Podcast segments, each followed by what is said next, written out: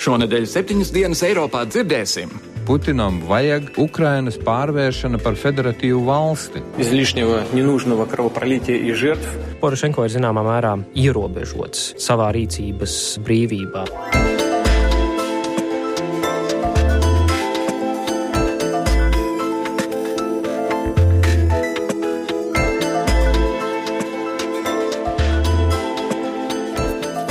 Labdien, klausītāji! Latvijas radio studijā Kārlis Streips atkal laiks raidījumam septiņas dienas Eiropā, kur skaidrojam, kā Eiropas un pasaules notikumi ietekmē mūs tepat Latvijā. Pagājušajā nedēļā Ukrainas konflikta sakarā atkārtot tika uzdots mūžsenais jautājums, kas būs iedarbīgāks - burkāns vai pātaga. Merkele un Olāns kā miera baloži šurpa turpa lidinājās, cenšoties sarunu ceļā atrast risinājumu Ukrainas konflikta eskalācijai. Minskā pēc 17 stundu gara saruna maratona tika panākta vienošanās par jaunu pamieru, kas stājās spēkā naktī uz svētdienu. Tikmēr ar vien vairāk balsis Amerikā, Lielbritānijā un NATO skaļāk sāk skandināt domu, un karabungas apspriežot militāro atbalstu Ukrainas karaspēkam.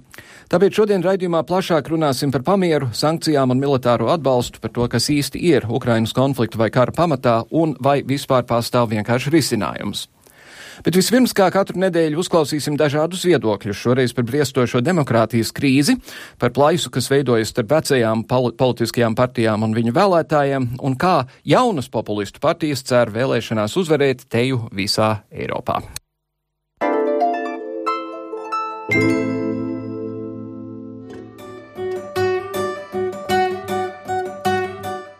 2015. gads Eiropas vēsturē var ieiet ar demokrātijas krīzēm un politikas zemestrīcēm. Populistu partijas var gūt uzvaras vēlēšanās, bet tradicionālās vairākumu partijas būs spiestas stāties neiedomājamās aliansēs. Šādas prognozes paustas raidsabiedrības BBC pasūtītajā Economist Intelligent Unit pētījumā. Pētnieki skaidro, ka šo demokrātijas krīzi veido plaisa, kas ir radusies starp vecajām politiskajām partijām un viņu tradicionālajiem vēlētājiem. Iedzīvotāji vairs nejūtas uzklausīti un ir vīlušies līdzšinējos solījumos. Tradicionālajās partijās strauji krīt biedru skaits, un cilvēki arvien mazāk dodas pie vēlēšanu urnām. Economist Intelligence Unit pētnieki prognozē, ka nulle kā aizvadītās parlamenta vēlēšanas Grieķijā kalpoja kā tests tam, cik ļoti pieaugušais populisms vainagojās ar panākumiem balsošanā. Sirīza ir pirmais galēji kreisais politiskais spēks, kas Eiropā nācis pie varas pēdējās trīs desmitgadēs. Ekspertu skatījumā partijas panākumi darbosies kā politisko apvērsumu katalizators citās vietās. Pirmās pazīmes par to jau redzamas Spānijā, kur kustība Podemos, jeb mēs varam, solījusi sekot Sirīza paraugam, stāsta Podemos līderis Pablo Iglesias. Hoy los gobiernos italiano y francés reconocen que hay que poner límites a Merkel. Itālijas un Francijas valdības ir sākušas saprast, ka mums Merkelei ir jānosaka rāmi. Varbūt tieši viņa būs tā, kas Eiropā tiks izolēta. Grieķijā viņa jau ir pazaudējusi visus savus pārstāvjus.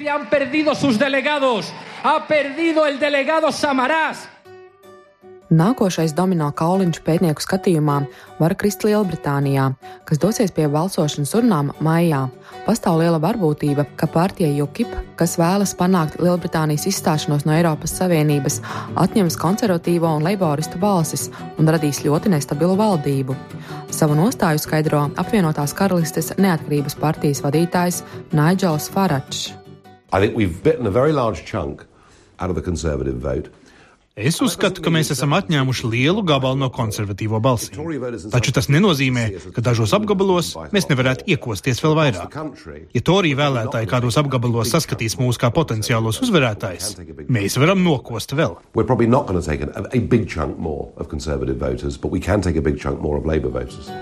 No citām valstīm, kur vēlēšanās var būt gaidāmi neparedzami rezultāti, pētnieku skatījumā būtu izceļamas Dānija, Somija, Spānija, Francija, Zviedrija. Austrija, Īrija un Vācija. Tāpat pētnieki norāda, ka pēdējos gados ir vērojams arī strauji protestu kustību pieaugums. Economist Intelligent Unit aplēses liecina, ka nozīmīgas protesta kustības pēdējo piecu gadu laikā parādījušās vairāk nekā 90 valstīs.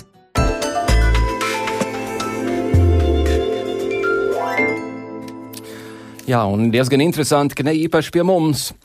Ukrainas austrumos pēc desmit mēnešus ilgušajām kaujām daudziet iestājies klusums un atelpa no artilērijas zalvēm. Sēsdien pusnaktī spēkā stājušos pamieru šķiet lielākoties ievēro gan prokrieviskie separātisti, gan arī Kievas spēki.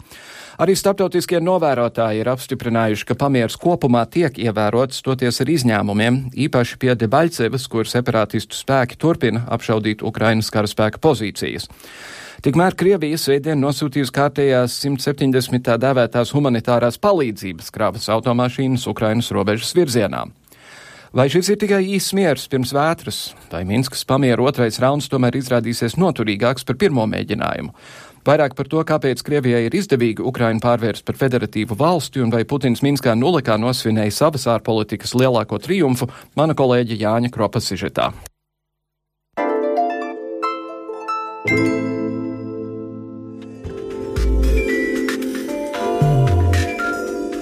Iespēja pamosties jaunā realitātē, kā to pagājušajā trešdienā pieļāva ārlietu ministrs Edgars Rinkēvičs, rodas tikai reizi pārdesmit gados.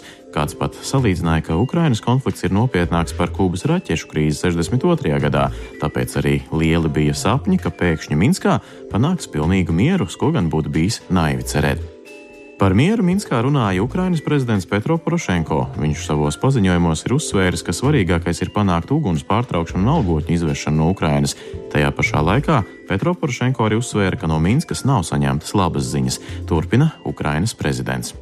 Я думаю, що ми маємо захистити мир Mums ir jāaizsargā miers arī tādās pilsētās kā Kramatorska. Mums ir jāaizsargā Ukraina, vai pieprasītu nekavējoties bez jebkādiem nosacījumiem panākt uguns pārtraukšanu un sākt politisko dialogu. Mēs pieprasām mieru bez jebkādiem priekšnoteikumiem. Mēs pieprasām apturēt uguni, izvest visus ārvalstu spēkus un slēgt robežu. Viņiem te nav ko darīt. Mēs paši tiksim ar visu galā. Mēs sami rozberemoся bez вас. To pašu pēc Minskas sarunām pauda arī Krievijas prezidents Vladimirs Putins, jo, ja Petro Porošenko uzspēlēti patriotiski izteicās par savu spēku spējām tikt galā, tad Putins tieši otrādi bija pārāk skeptisks, ka izdosies bez starpgadījumiem nodrošināt divu savstarpēji naidīgu armiju pārvietošanos, turpina Vladimirs Putins. Мы все-таки призываем обе стороны проявлять сдержанность и во избежание э, излишнего ненужного кровопролития и жертв – Mēs aicinām abas puses izrādīt savaldību, lai izvairītos no nevajadzīgas asins izliešanas un liekiem upuriem, un lai smagās bruņu tehnikas izvešana notiktu bez nevajadzīgas asins izliešanas. Ukrainas vadības pārstāvi uzskata, ka aplenkuma nav, un viss varētu notikt diezgan mierīgi. Man jau no paša sākuma par to ir bijušas bāžas, un esmu gatavs ar tām dalīties. Ja šāds ielenkums tiešām ir, tad vadoties pēc loģikas, tie, kuri ir ielenkumā, mēģinās no tā izlausties, bet tie, kuri atrodas atrodas ārpusē, mēģinās izveidot koridorus savu ielenkto karavīru izvešanai. Mēs ar prezidentu Porošenko esam vienojušies dot attiecīgu rīkojumu saviem militārajiem ekspertiem.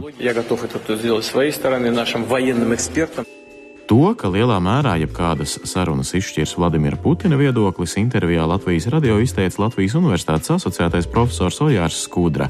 Viņš uzskata, ka Krievijas prezidentam nav vajadzīgas jaunas teritorijas, viņam ir vajadzīga novājināta Ukraina. Putinam nevajag nekādu jaunu Krieviju, kas pievienojas Krievijas federācijai kā Krima. Putinam vajag autonomu, vēl krasāk formulējot, ja precīzāk formulējot, Ukrainas pārvēršana par federatīvu valsti un tās abas tā dēvē dēvētās tautas republikas Luganskā un Doņetskā paliek Ukrainas sastāvā.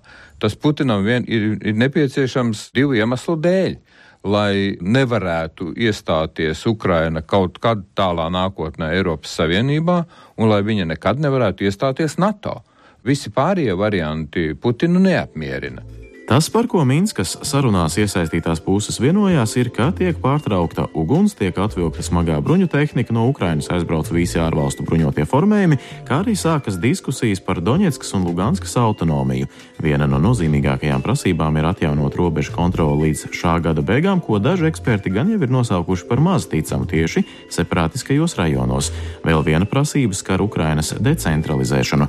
To intervijā Latvijas radio piesauc arī Austrumēropas politikas pētījuma centra pētnieks Māris Cepurītis. Ukraiņas ziņu aģentūrās noplūda protokols par šo kontaktu grupas vienošanos, tur tā ietver spēcīgu decentralizāciju, Ukraiņas decentralizāciju. Ja Minskas vienošanās viens no punktiem bija, ka Ukrainai ir savā ziņā jāveic zinām decentralizācija, tā skaitā palielinot arī šo te potenciālo separātisko republiku autonomiju, ko viņi arī zināmā mērā ir darījusi.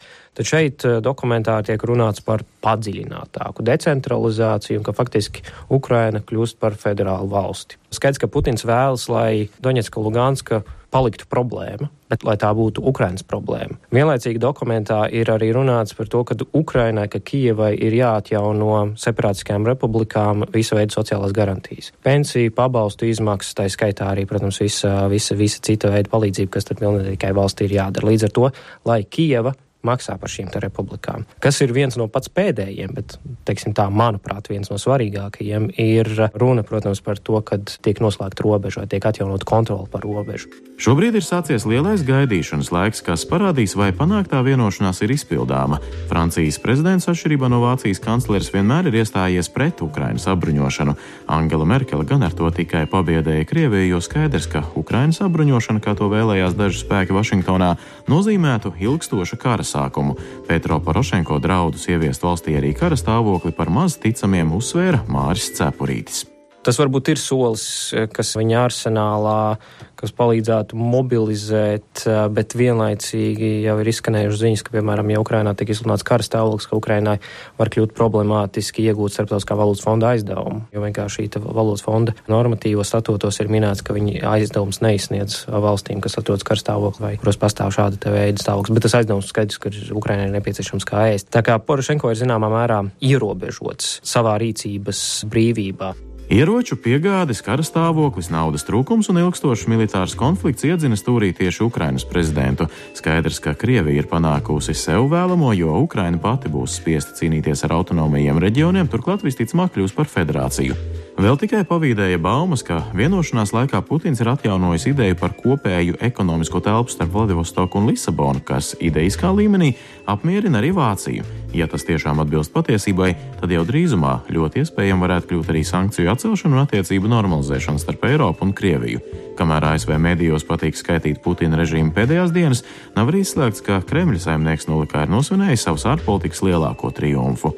Kā ierasts, laiks rādīs, kam izrādījusies taisnība, bet skaidrs ir tas, ka Ukraina Minskas sarunās piekāpās, lai saglabātu vismaz daļēju normālu savas valsts pastāvēšanu. Paldies kolēģim! Nu, kā sokas ar Minskas pamieru ieviešanu, lai izanalizētu Ukrainas, Krievijas un Rietumu pasaules konflikta būtību un spriestu, kādi ir šobrīd piedāvāto risinājumu izredzes novērst?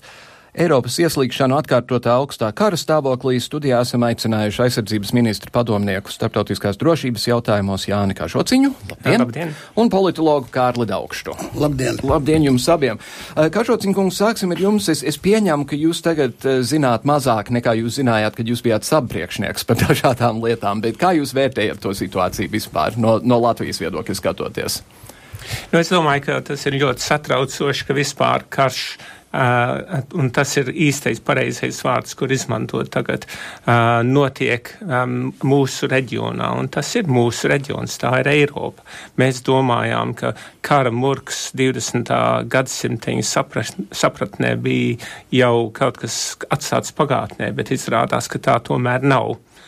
Uh, tas nozīmē, ka tas, kas pašreiz tiek darīts, lai mēģinātu uh, uh, novērst šī kara paplašināšanos gan Ukrainā pašā, bet arī uh, tikt galā ar, ar tiem izaicinājumiem, kas tagad ir parādījušies starptautiskai sabiedrībai sakarā ar Krievijas federācijas darbību gan Krimā, kur nemaz netika pieminēta Minskā un arī Austrum Ukrainā. Nu, tas nozīmē, ka mums visiem ir jādomā daudz nopietnāk par drošību. Un tas nozīmē, ka mūsu gadījumā ir ārkārtīgi svarīgi, ka ne tikai mēs paši un mūsu sabiedrotie NATO un Eiropas Savienībā, bet arī tie, kas skatās no ārpuses, būtu pilnīgi pārliecināti, ka Ziemeļa austruma Eiropa, un šeit es skaitu Baltijas valsts, Somiju, Zviedriju līdz pat, polāram, līdz pat polārai jūrai, um, ir, uh, nav pelēkā zona, bet ir aiz sarkanas līnijas, un tādēļ tur nav ko līst. Mm -hmm. Lai gan Krievija ir sākus pretenzijas izteikt arī uz to polāro jūru. Un... Nu, tāpēc es domāju, uz to reģionu jāskatās kā uh, veselumu, ka, mm -hmm. ka tur ir vairākas valsts iesaistītas, tā izskaitā Norvēģija, un kā mēs zinām, ja mēs visi sadar sadarbojamies kopā, tad mums ir daudz lielākas izredzes rast um, ilgstoši derīgs risinājums, nekā ja mēs tikai paši kaut ko mēģinam darīt. Daugškungs? Man liekas, ka uh, viens no tādiem satraucošākajiem rādītājiem vispār eh, šī visā situācijā, Ukraina un Baltija un, un vispār mēs, tie, tie iegansti, ar kādiem Krievijas federācija uzsāka faktiski šo agresīvo garu. Pirmkārt, tas ir satraucoši, ka tas ir valodas jautājums, satraucoši ir tas, ka tas ir etniskās grupas aizstāvēšanas jautājums. It, it kā, kā, it kā, es saku, iegansts tas mm -hmm. ir, ja?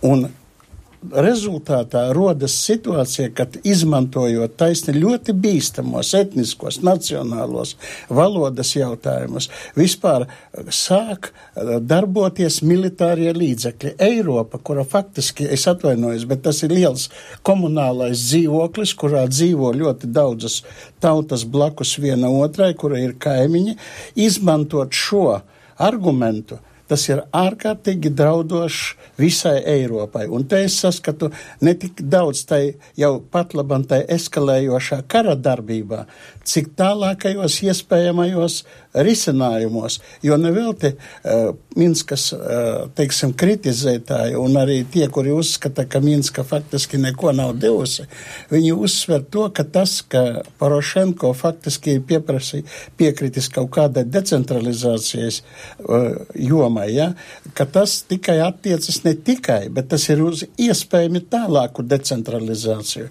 kā arī citi Ukrainas apgabali varētu pieprasīt kaut ko līdzīgu. Tas ir Faktiski tā ir uh, Ukrainas sašķelšana pa gabaliem, kas ļoti bīstami ir uh, sevišķi uzkurināt šīs emocionālās, nacionālās, etniskās pretrunas un tā tālāk. Pēc tam jāņem vērā, ka šeit ir nu, ļoti satraukta situācija. Tā faktiski ir, lai kā mēs tur nevērtētu, bet Ukraiņi un Krievi ir slāvi, tā ir brāļu pēc būtības tauta un izmantot šo argumentu, manuprāt, tas ir viens no bīstamākajiem un draudošākajiem uh, situācijas risinājumiem vai arī prognozēt uh, ir ļoti grūti Jā. vispār. Vai ir kaut kas, kas liecina, ka ārpus Luganskas un Doņēckas ir līdzīga situācija, ka kaut kur mēģina uzdarboties mazi zaļi vīriņi? Un...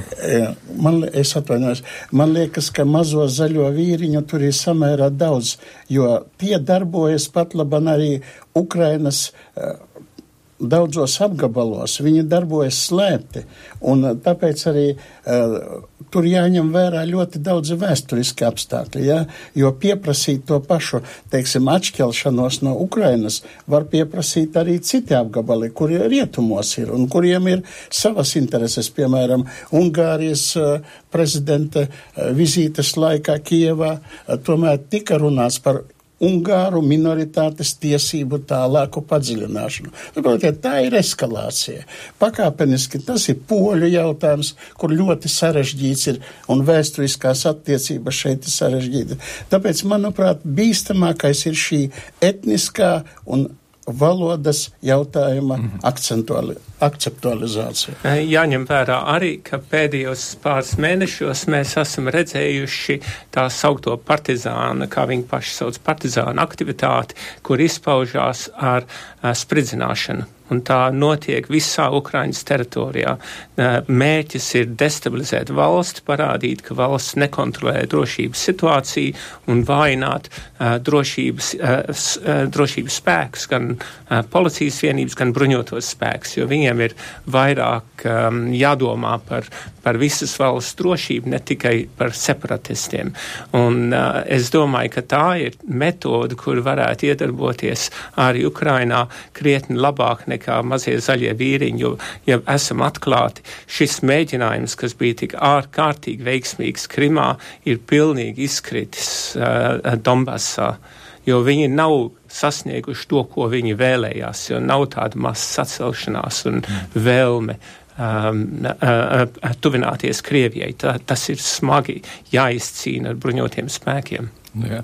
Un tas rada jautājumu. Mēs, mēs dzirdējām sižetā, ka uh, ir doma, ka, ka viens no risinājumiem būs, ka Kijeva turpinās apmaksāt rēķinus šajās divās, uh, divās uh, tautas republikās pēdiņās, atjaunos savu robežu. Bet kā tas izskatīsies, ka divas it kā neatkarīgas vai, vai suverēnas tādas republikiņas uh, ņem naudu no Kievas, bet tomēr sevi uzskata par kaut ko pilnīgi citu?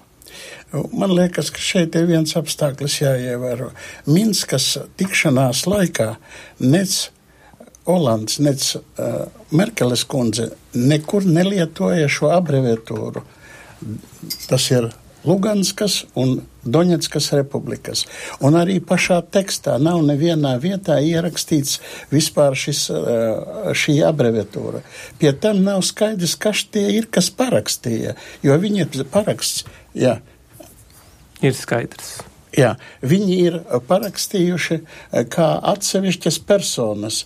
Eh, tā kontaktgrupa, kura izstrādā, kuras dokumentu apstiprināja eh, šis četrinieks lielais, ja, faktiski nav nekur pieminētas viņu funkcijas, kas viņi ir. Viņi kā privātas personas ir parakstījušas. Jā, tā ir ļoti liela problēma, jo patiesībā tie, kas runāja un vienojās par pamieru, nav tie, kur ir uzņēmušies rakstisku atbildību viņu ieviest. Tas nozīmē, ka ir visādi veidi, kā varētu um, to apiet. Nu, piemēram, Zaharčenko. Mēs zinām, nu, tas, ir, tas nu nav cilvēks, kuram būtu viegli uzticēties. Un to jau mēs šo pēcpusdienu redzam, jo tikai dažas stundas atpakaļ es domāju, ka um, separātisti ir pateikuši, ka kamēr nav ieroču pamiers, viņi savus smagos ieročus neatvilks.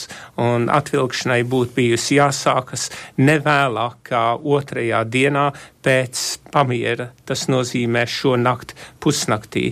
Nu, ja viņi jau pateikuši, ka tāpēc, ka Debelcevā vēl joprojām notiek kaujas, ka viņi to nedarīs, tas nozīmē, ka pamieris jau sāk jukt tagad. Mm -hmm. Un mēs labi arī saprotam, ka Debelcevā nekāds pamieris tik viegli nevarēja būt, jo tur bija tieši mērķis izveidot tā saukto katlu, uh, kur ielenkt um, diezgan lielus uh, Ukrainas bruņotos spēkus, nu, ko viņi citu varēja darīt. Viņiem ir vai nu jāturās, ja jāmēģina jā, izlausties, ja kādam jāmēģina viņiem uh, palīdzēt, ielaužoties. Jā. Un nu, līdz tas notiek, tā Krievijas televīzija sāk bazūnēt, ka fašisti atkal uzbruk tieši mierī, tā. Un, ja, ja Ukraina neizmanto uh, smagos ieročus, īpaši artilērijas sistēmas, bet uh, Krieviem ir vismodernākie tanki pieejami, kād viņi, kādus viņi nekad, nekur pasaulē nav līdz šim eksportējuši. Uh, tas nozīmē, ka viņi viņus var izmantot, netraucēt, gandrīz netraucēt, un, protams, tas no taktiskā viedokļa ir, ir ārkārtīgi smagi um, Ukrainas aizstāvjiem. Nu jā. Ko, ko Putins grib, tas it kā ir diezgan skaidrs. Viņš grib des destabilizēt Ukrainu, lai Ukraina neuzņemtu Eiropas Savienībā un Dievs pasarg NATO. Bet man nav īsti skaidrs, ko tie teroristi galu galā grib, jo tie ir šādi tādi no kaut kurienes, tie nav nekādi valsts vīri, viņi ir šādi tādi no kaut kurienes uzradušies cilvēki, kas tagad ir uzmetušies pa kungiem. Ne viņiem ir kaut kādas politiskas pieredzes, un ne, cik var spriest, viņiem ir kādi īpaši politiski mērķi. Nu, viņiem ir arī viena dilema un problēma. Jūs pareizi sakāt, ka viņi ir nu, radušies, tā sakot. Ja? Viņi apgalvo, ka viņi esot tautas pārstāvi, taču tas laikam tā nav, jo viņiem vienas vēlēšanas, kuras faktiski notika zem automātu stobriem, ir notikušas. Viņi sevi grib mēģināja leģitimizēt, bet Minskas, no, Minskas tajos papīros ir tomēr teikts, ka viņiem ir jāveic vēlēšanas arī tajās, teiksim, tajās uh, teritorijās, kas it kā uh, pēc Porošenko teiktā būs decentralizētas. Ja? Un, protams, ka tas nozīmē viņiem ļoti smagu pārbaudījumu. Un karš viņiem ir vajadzīgs, lai nepieļautu faktiski tādas uh, vēlēšanas, demokrātiskas vai kaut kāda veida tipa tautas nobalsošana. Jo tādās varētu startēt arī Porošenko partija, piemēram. Tur, tas būtu ļoti sarežģīts process, manuprāt, un tas nav izdevīgs un vajadzīgs arī Krievijai pēc būtības. Nekādi demokrātiskie procesi šajās teritorijās nav vajadzīgi. Tie tikai traucētu realizēt savu politiku šeit, šajos apgabalos, un tāpēc es domāju, ka uh, runāt par kaut kādām vēlēšanām, tas ir absolūti uh, tāds neiedzīgs mhm. darbs. Mm. Bet uh, es domāju, tomēr vajag paskatīties uz to, ko um, prezidents Putins gribēja šeit. Un uh, jāsaka, ka mērķis uh, visu laiku ir bijis, lai Ukraina būtu draudzīga valsts, kas vēlās iestāties Eirāzijas Savienībā. Mm -hmm. nu, tas, kā uh, viņš uh, savu taktiku ir izspēlējis sākumā, bija uh, ārkārtīgi veiksmīgi ar Krimu un ārkārtīgi profesionāli. Jāsaka, nu, tas ir no, no bruņoto spēku viedokļa. Bet tiešām. vienlaikus nodrošināt, ka Ukraina nekad negribēs piedalīties. Bet tagad, bet, pēc Krimas viņš sāka mēģinājumu austrumu Ukrainā kaut ko līdzīgu darīt, un tas ir pilnīgi izkritis. Un tagad Ukraina lielākā daļa ir nostājusies kategoriski pret Krieviju, un pat izteikusi, ka vēlās iestāties uh, NATO un uh, kaut kā mainīt viedokli tagad tuvākajā laikā būs ārkārtīgi grūti, tas nozīmē, ka Krievijai tagad patiesībā īsta laba iznākuma nav. Jo, ja viņi iet uz priekšu ar bruņotiem spēkiem, tad noteikti viņi piespiež rietumus ne tikai palīdzēt ar bruņojumu Ukrainai, bet pa palielināt sankciju režīmu, kas viņiem tagad sāp tāpat.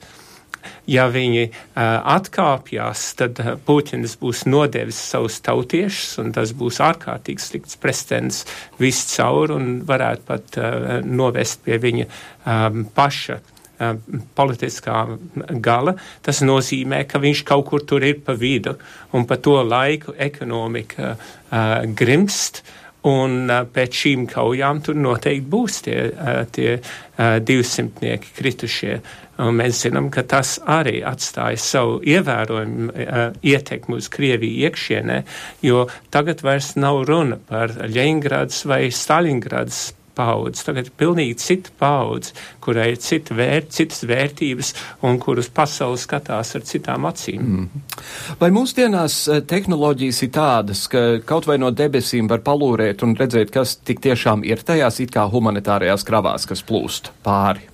Nu, es domāju, ka var redzēt, ko tur lādē ārā. Nu, ja ir kastes un tās uh, liek noliktavās un vēlāk no noliktavām ved uz artilērijas pozīcijām, nu, tas, tas ir iespējams. Un tāpēc, piemēram, ir uh, tīri nopietni, ka Kanāda ir piedāvājusi izmantot, dot savus satelītu fotogrāfijas uh, uh, Ukrainai, lai palīdzētu viņiem identificēt, kas notiek uh, šī, šajās okupētajās teritorijās un uz robežas. Kanādā ir labākas fotogrāfijas fotogrāfijas par Ameriku, teiksim? Nu, Amerikai ir tomēr jāsaka, ir, ir jāspēlē mazliet citādāks, citādāks spēle, jo beiga beigās um, tas, ko uh, Krievijā uh, iekšēji publicē, ir tas, ka tas viss ir tā ir cīņa pret Amerikas Savienotām valstīm, ka mm. amerikāņi ir aiz visa tā, ka vien, vienlaicīgi amerikāņi ir neizlēmīgi un vāji un uh, nespēja pieņemt lēmumus, bet tai pašā laikā ir visspējīgi, jo CIP norganizēja Maidanu nu, un uh, tūlīt rīt, parīt norganizēs to pašu sarkanā laukumā. Nu, mm -hmm. Jā, bet te man liekas, ir arī viena cita lieta pirmo reizi, man liekas, mums ir darīšana šādā situācijā ar vienu pusi kura vienkārši atklāti acīs skatoties melo. Jo oficiāli Krievija jau, jau vēl, vēl vien turpina apgalvot, ka viņai nav pilnīgi nekāda sakara ar to, kas notiek Donbasā. Es, no tā viedokļa grūti saprast, ko Puķins vispār tur meklēja pie galda šajās sarunās, ja reiz Krievijai tur nav nekāda darama. Bet kaut kā liekas, ka mēs, mēs, viņš ir psihs. Nu, grūti teikt, ir dažādas eh, pat labam arī mediķu, eh, mediķu vērtējumi, bet es arī tam nepiekrītu. Tas ir tādas sazvērestības teorijas, zem kurām vairāk ir vēlme, lai viņš būtu. Nu, jā. varbūt, ka viņš nav. Akties, nē. Es gan labāk gribētu, ka tas lai cilvēks, viņš... kuram ir, ir pieeja atomieročiem, būtu racionāls. Es arī saku, lai, jā. Vēlme, lai viņš nebūtu. Nu, kā tad? Nē, vēlme, lai viņš nebūtu traks. Ah, jā. skaidrs. Jā. Vēlme tā ir tāda. Un man liekas, ka šeit ir, viņam ir vēl viena ļoti taktiski, varbūt arī strateģiski. Viņam pat laban ir svarīgi sarīkot trešo Maidanu pret Porošenko Kievā un viņš centīsies to izdarīt visiem iespējamajiem līdzekļiem.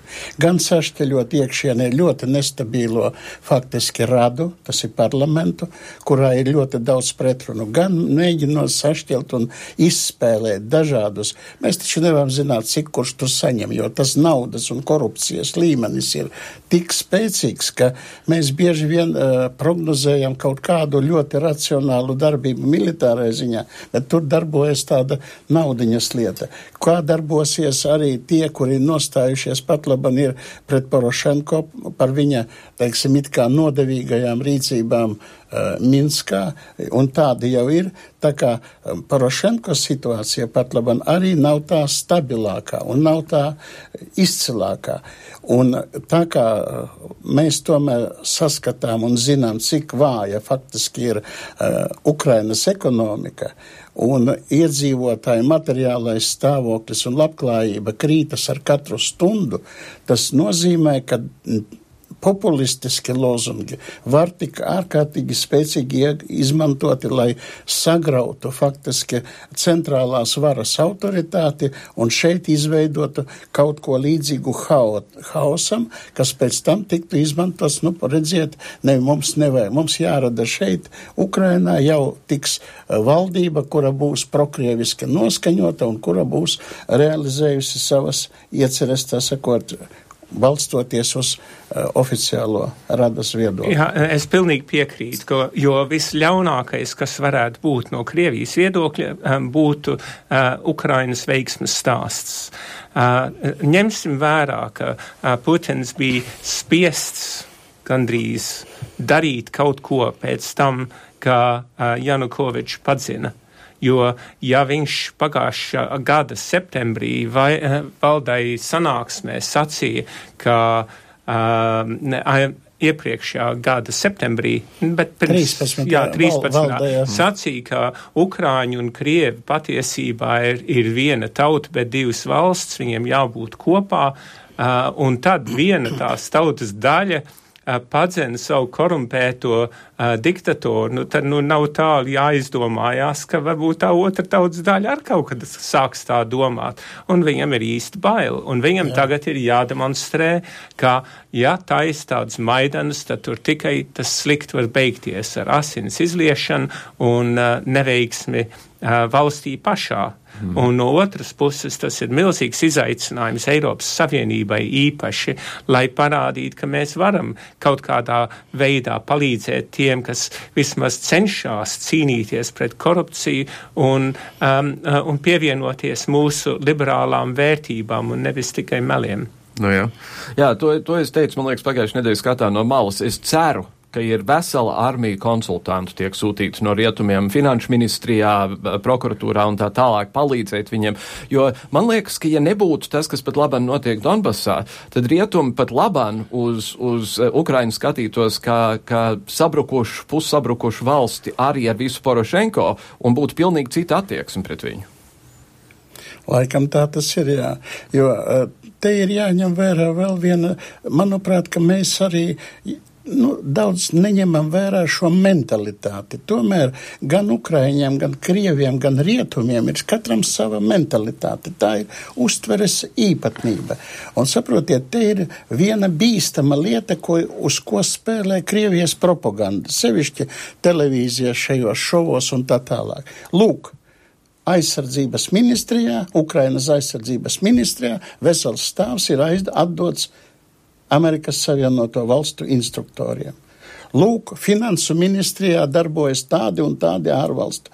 Tas ir uh, it kā tajā uh, masu mēdīju un uh, tautas tajā Krievijas tādā, tad, kad ir šis uzplaukums tādai šovinistiski impēriskajam noskaņojumam, tas rada it kā, lūk, tas ir mūsu arguments. Viņi tur ir. Mm -hmm. Tāpēc ļoti. It kā tā būtu mūsu darīšana, jā, kas, kas jā, instruē. Jā, bet, bet tas ir tāds papildus, papildus masu mēdīju un tādas propagandas aspekts, kurš ir tomēr jāņem vērā. Mhm. Jā, tas rada tādu paranoju, jo Jā. uh, visu laiku iet runa par to, ka, ka Krievijai uzbrūk, Krieviju mēģina izolēt, Krieviju mēģina uh, aplenkt, un uh, šeit ir pierādījumi. Ne jau nepietika NATO, ka pie, piebrauc pie, pie uh, Krievijas robežas ar Baltijas valstīm, bet tagad pat Ukrainu vajag. Nu, un kas nākamais būs Baltkrievija? Pagaidīsim, kāds troksnis būs, ja Lukašenko atbrauks uz Rīgu maijā. Mm -hmm. Jā, tas būs interesanti. Mums laiks iet uz beigām. Kažocinkums pēdējais jautājums. Neatklājot valsts noslēpumu, vai mēs tiešām esam tik droši, kā mums patīkas domāt, tā, tāpēc, ka mēs esam NATO?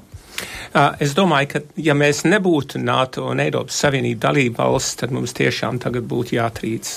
Tas, ka mēs esam un tas, ka uh, NATO galvenā valsts, kura um, ir ASV un kur pārstāv 75% no NATO militārās spējas, ir devusi tik kategorisks tik kategorisks solījums mums par mūsu drošību nozīmē, ka mēs varam just, justies relatīvi droši pret konvencionālu uzbrukumu. Mm -hmm.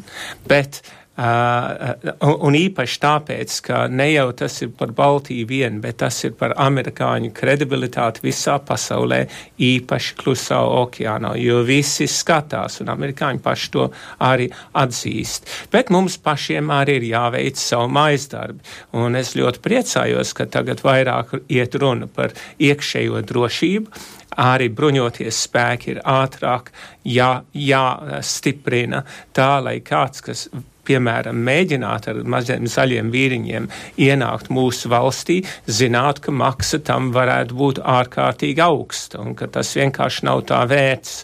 Un vēl jo vairāk mums beidzot ir jāsāk saprast, ka mūsu sabiedrības saliedētība ir tikpat svarīga kā militārā aizsardzība, un tas nozīmē arī politiskā uh, līmenī.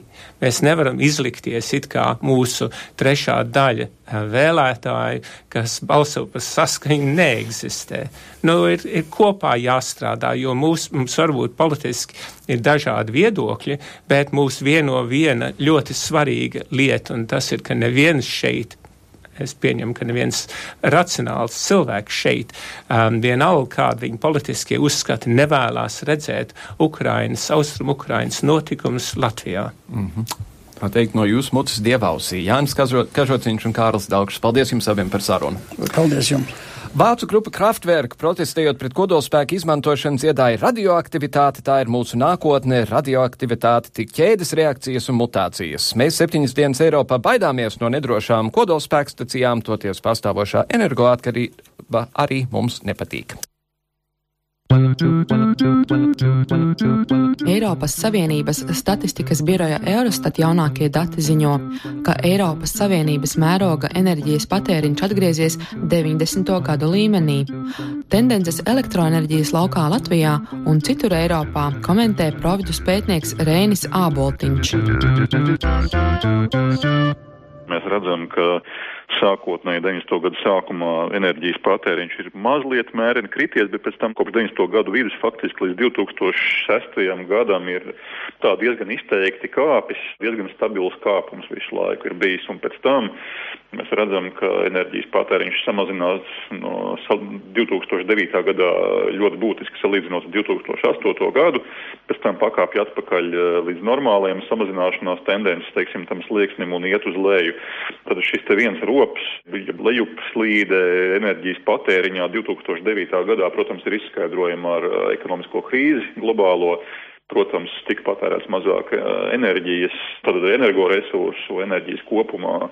Tas, protams, atspoguļoja tās ekonomikai raksturīgās tendences, bet citādi tā tendence ir stabila kopš aptuveni 5. 6. gada, ka patēriņš samazinās, un to var izskaidrot galvenokārt ar energoefektivitātes pasākumiem, ko Eiropas Savienības dalība valstis lielākoties īsteno, tā ir bijusi gan Eiropas Savienības kopējā politika, stipri jāuzlabo energoefektivitāte tika pieņemti dažādi saistošie energoefektivitātes pasākums regulējoši tiesību akti un visādā ziņā dalība valstis arī bija stimulētas, teiksim tā, nepatērēt lieku enerģiju vai nepatērēt to enerģiju, ko var ietaupīt. Un mana prognoze un, teiksim, arī Startautiskās enerģētikas aģentūras prognoze ir, ka energoefektivitāte turpinās uzlaboties. Tas nozīmē, ka teorētiski šai te lejupējošajai enerģijas patēriņa tendencei vajadzētu saglabāties. Droši vien, ka tā izlīdzināsies līdz ar uh, laiku, jo, nu, teiksim, tā energoefektivitātes pasākumi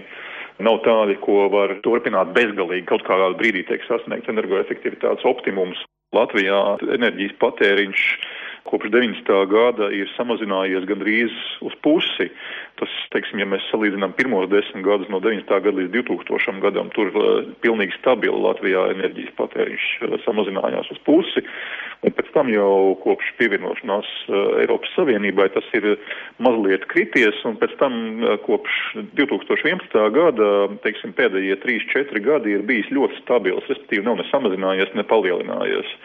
Tā parādot to, ka, no acīm redzot, ir kaut kāds uh, optimālā patēriņa slieksnis sasniegts, lai gan mums, protams, Latvijā ir liels potenciāls arī energoefektivitātes pasākumiem. Ar to arī izskan šīs nedēļas septiņas dienas Eiropā. Kažociņa kungs teica, ka mums nav īpaši jābaidās no konvencionāla militāra uzbrukuma, jo esam NATO dalība valsts. Tā nu tas noteikti ir. Bet es ceru, ka sabiedrība ieklausīsies arī tajā, kas viņam bija sākāms pēc tam, jo katrā gadījumā mēs neesam pasargāti īpaši no citiem šā tā dēvētā hibrīda kāra elementiem, tā skaitā no masīvās propagandas, kas caur televīzijas, televīzijas kanāliem no Maskavas veļas arī pāri mūsu valstī un kuriem kā ir zināms no pētījumiem, dzirdīgas ausis arī šeit atrod, un dažādām provokācijām. Piemēram, nezinu, vai tas bija tiešām eh, saistīts ar to, kas pat labam notiek mūsu pasaules malā, bet vai nav dīvaini, ka kamaniņu čempionātā kāds nu pat bija Siguldā, tad, kad uzvarēja vācieši un uzkāpa uz piedestāla, atskanēja bijušās Austrumvācijas himna. Vai nav interesanti, ka 25 gadus pēc tam, kad Austrumvācijas vairs nav, Siguldas trasē, kādam tā bija rīcībā. Paldies, dāmas un kungi, līdz nākamajai nedēļai. Visu labu!